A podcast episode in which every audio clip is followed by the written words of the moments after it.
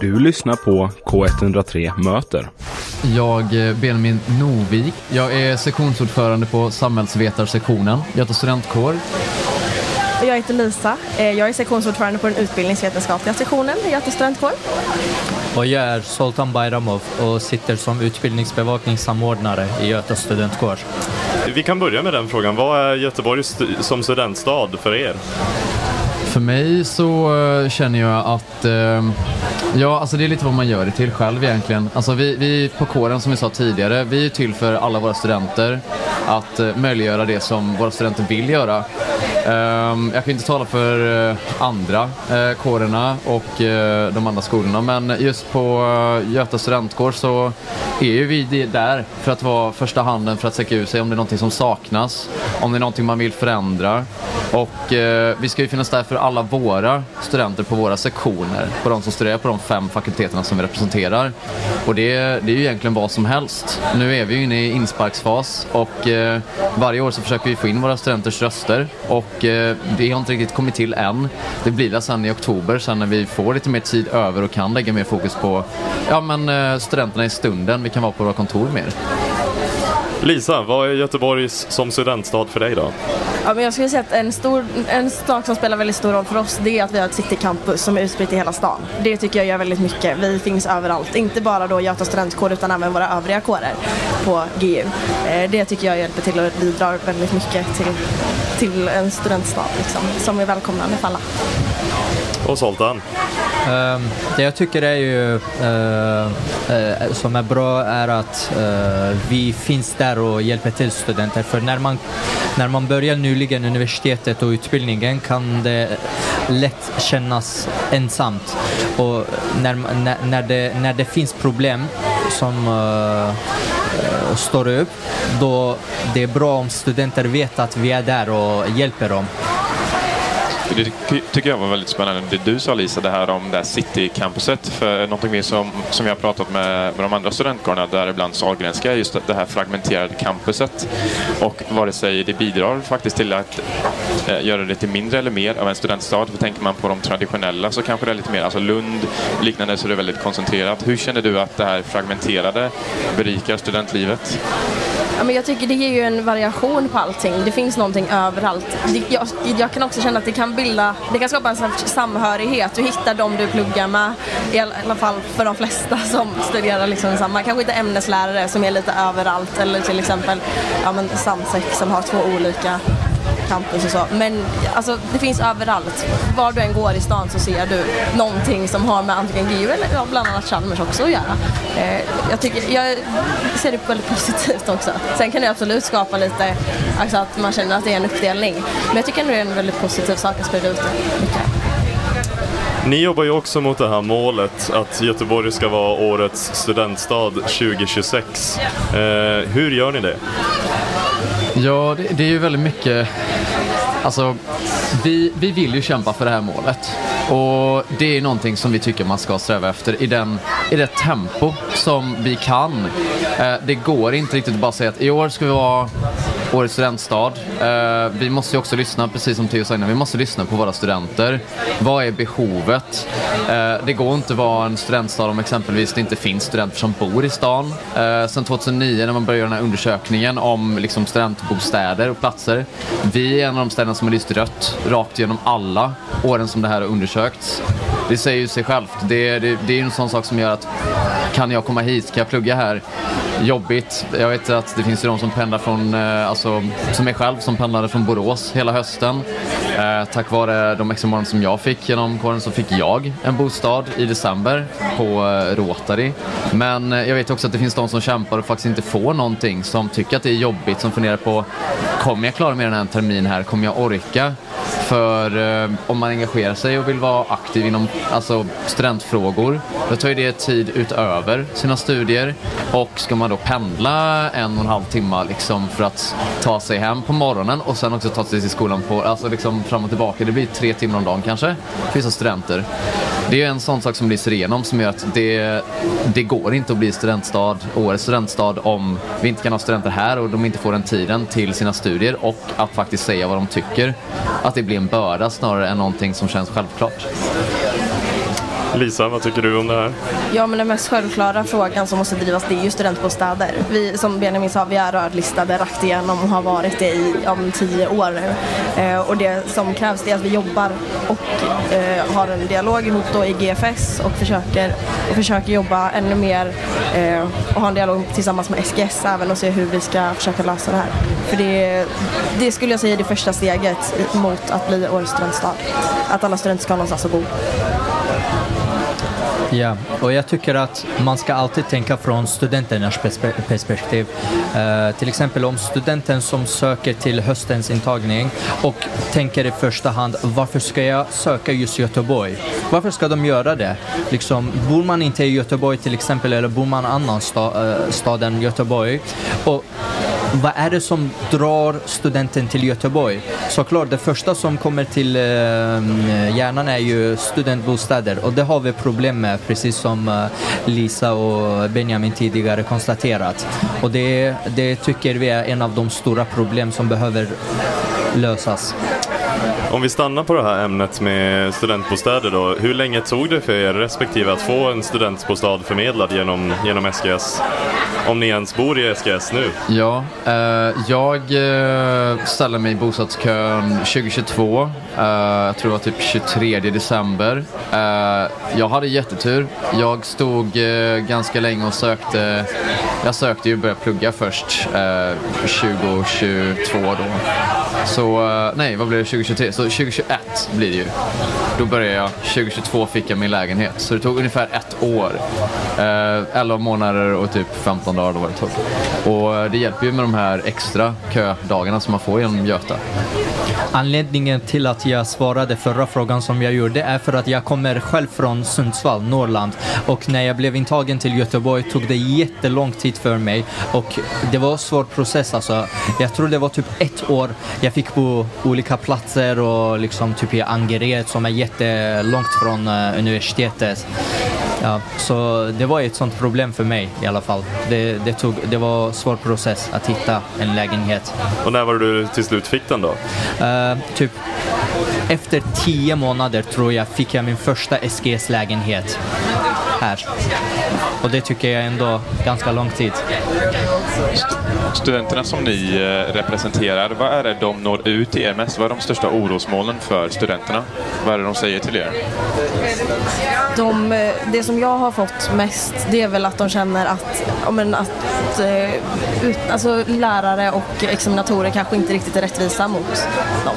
Det är de studentärenden som vi har fått behandla mest. Nu har vi inte suttit jättelänge så det har inte hunnit komma jättemycket men om man även kollar tillbaks lite i arkiven och så så är det det, det, är det mesta eh, hittills vad jag har upptäckt i alla fall. Hur behandlar man en sån fråga? För det, det är givetvis känsligt. Det, det finns ju en viss överhet även inom universiteten. Liksom. Du, du är här för att lära dig och du ser de här människorna som experter. Hur hanterar man en sån fråga utan att stampa på någons tår? Ja, men då gäller det ju att försöka ha någon slags medlarroll i det hela. Eh, Jag som bland annat läser till ämneslärare, jag har ju ändå fått lite utbildning inom det här och eh, därför känner jag att ändå, ja, men då blir det lättare att ta den här medlarrollen. Men samtidigt så får man ju inte heller smutskasta någon av parterna utan det gäller att försöka ha en väldigt opartisk och vuxen roll i det hela helt enkelt för att kunna ta tag i det här. Eh, Benjamin och eh, Sultan, upplever ni också att det är eh, just de här frågorna som ni tar emot mest? Det här med lärare?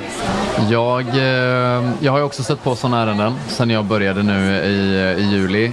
Jag vet att det, det är ju en, en fråga som, alltså just när det kommer till universitetet gentemot studenter så är det lätt att eh, man har en åsikt om hur man har blivit behandlad och man har ju alltid rätten till att ha en åsikt om hur man känner. Men det gäller ju att komma till botten med, eh, med vad som är som rätt och fel, vad man har för rättigheter som studenter och det är inte alltid helt självklart som student vad universitetet har gjort fel, om de har gjort fel. Exempelvis om man har eh, kuggat två tentor av samma, då har man den tredje rätten enligt Göteborgs universitets styrdokument att då få önska en ny examinatör till nästa tillfälle. Men olika eh, institu- eh, institutioner och fakulteter har olika sätt att göra detta. Jag vet exempelvis jag då som är på samhällsvetarsektionen hittade eh, en ansökningsblankett för pedagogen som är liksom eh, utbildningsvetarsektionen. Men jag hittade ingen för oss och då var jag tvungen att kontakta ja, men, eh, ja, men prefekt och liknande för att liksom få tag på vem det är jag ska höra av mig till. Då sa de, ja men skicka in ett mail. det är inte heller helt självklart att man ska göra det. En fråga eh, som är relevant framförallt i, i kontexten boende eh, tänker jag också är vad boendet kostar. För även om man lyckas sno en sån här snitsig SGS-lägga så kostar de ju pengar. Eh, hur ser ni på studiemedelsförfarandet idag? Räcker det? Måste något ändras? Ja, eh, det, det är ju eh, någonting som eh, är värt att fortsätta prata om genom tiden som kommer. Så det är ju det är väldigt tråkigt när studiemedlen ökar och eh, exempelvis SGS väljer att öka kostnaderna för bostäderna. Det blir ju en liten eh, ja, men känga för oss studenter som nu befinner oss i samma eh, inflation som alla andra. Vi har inte lika mycket pengar som de som jobbar på heltid. Jag vet att i princip alla mina vänner jobbar vid sidan av. Eh, men man kan ju ändå tycka att CSN ska räcka och hålla ett dugligt liv och faktiskt studera. Det kanske inte ska vara det mest fancy, liksom gå ut och festa varje dag kanske, men man ska ju fortfarande kunna leva, ha en social atmosfär och det tär ju på det studiesociala exempelvis. Det stressar eh, generellt liksom, hälsan, den psykiska hälsan och det blir svårt att slappna av lite om man inte riktigt vet vad man ska äta kanske eller om man kan äta ute eller om så här, vad gör kompisarna liksom. Det blir, det blir en orosmoment helt enkelt när inte pengarna räcker till. Hur, ja, men hur, hur ser det ut för er? Räck, brukar ni lyckas få CSN att räcka månaden ut? Ja, jag har ju turen att jag har en sambo att dela min lägenhet med och därmed bara har en halv hyra att betala. Så för mig har det, det har hjälpt mig väldigt mycket. Men när jag bodde ensam och hade hel hyra eh, på fem och fem ungefär eh, så var det jobbigt att få ihop det. Det är helt ärligt. Studiosocialt tips Tinder alltså? Ja, exakt. Billigare hyra. Ja, just det. Zoltan, hur såg det ut för dig? Jag tror för mig verkligen, det kan klassas som verkligen jobbigt för uh, min hyra är väldigt hög och just nu är, bor jag själv. Så det blir ju på något sätt väldigt jobbigt att betala hyran. Och en annan sak jag skulle också röra uh, är ju uh, det här med bostadsbidraget. För det kunde vara en bra hjälp, men problemet är där att man kan ofta bli betalningsskyldig som jag faktiskt nu har varit. Och det i och för sig medför också stress när man får veta att åh, jag, jag kan kan faktiskt vara betalningsskyldig. Och där, eh, jag hade, jag hade jag, jag, tänker att det hade varit mycket bättre om man hade kunnat söka månadsvis. Eh, om det hade funnits möjlighet att söka månadsvis, att man inte, studenter inte blir eh, betalningsskyldiga senare. Nej, man vill absolut inte hamna i en sån situation. Och det, det är lite grann, för det påverkar ju lite grann den här psykosociala alltså, situationen man är i. Och den är ju en väldigt viktig fråga för att det finns ju väldigt många studier som visar att studenters hälsa, alltså mentala hälsa kanske inte alltid är där den borde vara. Eh, hur mycket tror ni sånt här pengasnack, boende och i allmänt vad studentlivet har, eh, har att göra med de här, eh, de här dåliga mentala hälsan? Liksom? Det blir eh, grej på grej på grej, det blir lager på lager, det blir tanke på tanke, alltså allting som får dig att tänka negativa banor. Det, det får dig att må sämre. Och eh, just nu är det väldigt mycket som är med, ja men just efter pandemitiden, hitta tillbaka till studierna. Många har inte studerat med sina kurskamrater, programkamrater. Eh, det är dyrare att eh, liksom umgås och socialisera sig. Det är en omställning. Eh, också liksom att ha råd med hyran. Alltså alla sådana tankar liksom. Och man ska klara studierna liksom. Man ska få godkänt, man ska komma vidare i kurser liksom. Det, det är liksom någonting som jag tycker att våra studenter ska pusha mer på. Prata mer med oss om. För ju mer som tar upp detta desto, mer kan vi liksom trycka mot de parterna som eh, liksom kan hjälpa oss eller snarare som har ansvaret att få detta igenom och förbättra situationen för oss. Så det, det kom fram, prata med men också prata med sina kurskamrater kan vara bra. Liksom prata med varandra. För det, det, är ju jobbigt när det blir grej på grej på grej på grej på grej som går emot en. När man egentligen bara ska ha CSN, man ska kunna betala hyrorna, man ska ha råd att käka nudlar hela månaden, kanske också unna sig en halloumibit eh, och eh, kanske ta en, en härlig kall dryck om fredagskvällen. Men även också kunna ha tid att studera och ha den kvaliteten på sina studier och eh, livet runt omkring som alla studenter förtjänar. Också om man nu då ska vara årets studentstad så borde detta vara självklart. Ja, jag tänkte det. Hur, viktig, hur viktigt blir det att vända på trenden lite grann om man vill uppnå det här med att vara årets studentstad? Jag skulle vilja påstå att det är väldigt viktigt. Göteborg är en stor stad. Det är generellt sett dyrare att leva i en större stad. Och då för en student som vill ha en central studentlägenhet så blir hyran rätt saftig. CSN räcker inte alltid. Man har inte alltid tid att jobba extra heller. Eh, och därför blir det helt klart ett stressmoment eh, om man då ska kunna fokusera fullt ut på sina studier. Eh, så det är jätteviktigt skulle jag vilja påstå. Verkligen. Att kunna driva det. här. Om man är nu student och känner sig verkligen så här, inte att man sitter i skiten liksom det här är kämpigt, det här är jobbigt. Hur når man ut till er? Var hittar man er? Vi finns ju i alla sociala kanaler som finns. Eh, Vi har Instagram där man kan skriva till oss på DM om man känner, sig, om man känner att man behöver lite tips och stöd. Gota studentkarl heter vi på Instagram. om man Bara slida. Ja. Eh, Man kan alltid mejla till sin sektionsordförande eh, om det är något, något sånt specifikt som man känner att man vill ha. Att man bara behöver lite stöd och hjälp helt enkelt så finns vi alltid. Ja, allting som, ja, ursäkta Lisa, eh, allting som har med det vi ägnar oss åt och kontaktuppgifter finns på vår hemsida gotastudentkarl.se och eh, går man in där så kan man välja sektion. Man kan välja vem man vill kontakta. Alla våra uppgifter ligger där. Så tvivla inte på att höra av er till oss. Vi vill jättegärna prata med er, kommunicera med er, veta vad ni tycker. Vi har ju våra styrdokument som är våra studenters åsikter. Dem kan man läsa på hemsidan. Men också om inte våra studenter säger till vad det är ni vill förändra och tycker till. Eller det finns kanske någon som inte håller med vad våra styrdokument säger, vad vi har för åsikter som vi har samlat av våra studenter. Då vet vi inte om vi går i rätt riktning heller. Vi försöker ju jobba med det under åren liksom och vårt år kommer ju vara samma sak, samla in så mycket åsikter som möjligt.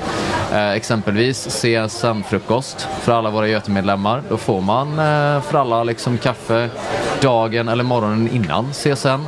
Och eh, då brukar vi också ha åsiktsformulär som vi delar runt och det är ju ett gyllene tillfälle att då ta upp frågor som vi vill få svarade på men också prata med oss om nej men det här tycker inte jag, ni ska fokusera på att ta någonting annat liksom. Men eh, hemsidan är ju en hub liksom, ett nav för alla våra kontaktuppgifter om man då vill engagera sig på något sätt inom studentlivet. Just med tanke på det psykosociala, det är ju toppen att man kan snacka med er, men om man känner att man behöver mer hjälp, finns det psykologer och så på skolan som universitetet kan erbjuda? Ja, vi har en studenthälsa. Just nu har vi ett samarbete med Feelgood som erbjuder eh, de tjänster som ska finnas inom en studenthälsa. Där kan man få psykologsamtal och även remisser ifall det skulle vara att man behöver ännu mer hjälp. Och de hittar man på er, genom er hemsida eller på GUs hemsida? Ja, på GUs hemsida, i studentportalen finns all information och kontaktuppgifter till Feelgood. Tänk, Vad har ni? Nu ju insparken börjar väl sakta men säkert bli över. Vad har ni på radarn därefter? Eh, för mig handlar det mycket om att eh, börja tillsätta studentrepresentanter i alla våra olika organ så att vi kan få ja, studentrepresentation överallt där det behövs. Det är det jag kommer fokusera på. Ja, nej men samma för mig. Det gäller ju att ta hand om och få tag på alla studentrepresentanter. Själv har vi lite konkurrens inom samhällsvetarsektionen på vissa olika av studentposterna. Då eh, måste vi rösta in dem på våra nästa sektionsstyrelsemöte som är den 20 september för vår del. Innan dess kan inte jag tillsätta de som är konkurrerade till exempel. Men också det är väldigt stressigt med mycket saker som är nya. För vi är nya på våra poster och eh, vi tar ju allting sak efter sak, liksom, del efter del. Jag skulle säga att eh, på grund av eh, hur mitt arbetsuppgifter ser ut finns inte faktiskt eh, exakta saker som jag måste göra utan min roll är mer för att vara där alltid tillgängligt för sektioner och hjälpa till dem med utbildningsrelaterade frågor. Så det är lite varierande vad jag behöver göra.